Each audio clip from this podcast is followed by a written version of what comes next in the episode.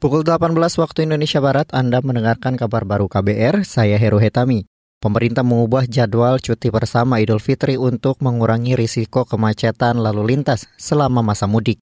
Itu disampaikan Menteri Koordinator Bidang Pembangunan Manusia dan Kebudayaan, Menko PMK Muhajir Effendi, saat konferensi pers perubahan cuti bersama hari ini. Pertimbangan menggeser tanggal cuti bersama dan menambah satu hari ini adalah untuk memberi kesempatan kepada masyarakat untuk mengambil cuti lebih awal sehingga dapat menghindarkan dari penumpukan massa pada puncak mudik yang waktunya diperkirakan bersamaan dengan perayaan Idul Fitri 2023 yakni 21 April 2023. Menko PMK Muhajir Effendi meminta jajaran terkait memastikan kelancaran dan keamanan pelaksanaan mudik lebaran. Sebelumnya, pemerintah menetapkan cuti bersama 21 sampai 25 April. Namun kemudian diubah dan ditambah menjadi 19 hingga 25 April 2023. Kita ke informasi hukum, Saudara anggota Komisi Hukum DPR, Beni Kaharman mendesak Menteri Keuangan Sri Mulyani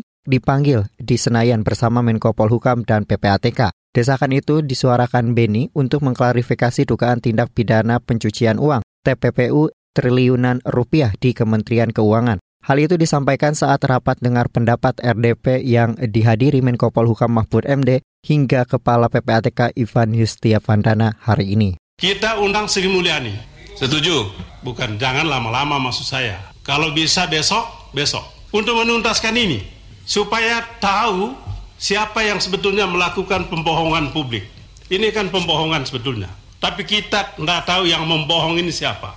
Apakah Bapak, anak buah Bapak, atau Menkeu atau anak buah Menkeu yang tadi Bapak sampaikan, mungkin Menkeu dibohongin oleh anak buahnya.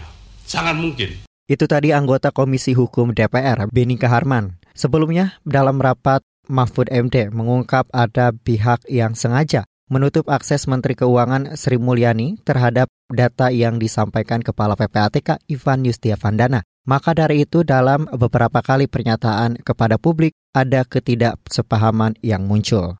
Kita ke informasi mancanegara, Saudara Raja Charles berangkat ke Jerman pada Rabu waktu setempat. Ini adalah lawatan kenegaraan pertamanya sejak menjadi Raja Inggris. Kunjungan ini dalam rangka memperbaiki hubungan dengan Uni Eropa setelah keluarnya Inggris dari organisasi itu. Mengutip antara, Raja Charles III Awalnya direncanakan juga akan melawat ke Prancis, namun kunjungan itu dibatalkan menyusul protes besar di negara tersebut. Dalam kunjungan tiga harinya ke Berlin, Charles akan membicarakan masalah yang dihadapi kedua negara, seperti masalah berkeberlanjutan dan krisis di Ukraina, serta memperingati masa lalu. Presiden Jerman Frank Walter Steinmeier direncanakan akan menyambut Charles dan Ratu Camilla dalam upacara militer di Berlin. Demikian kabar baru KBR, saya Heru Hetami, salam.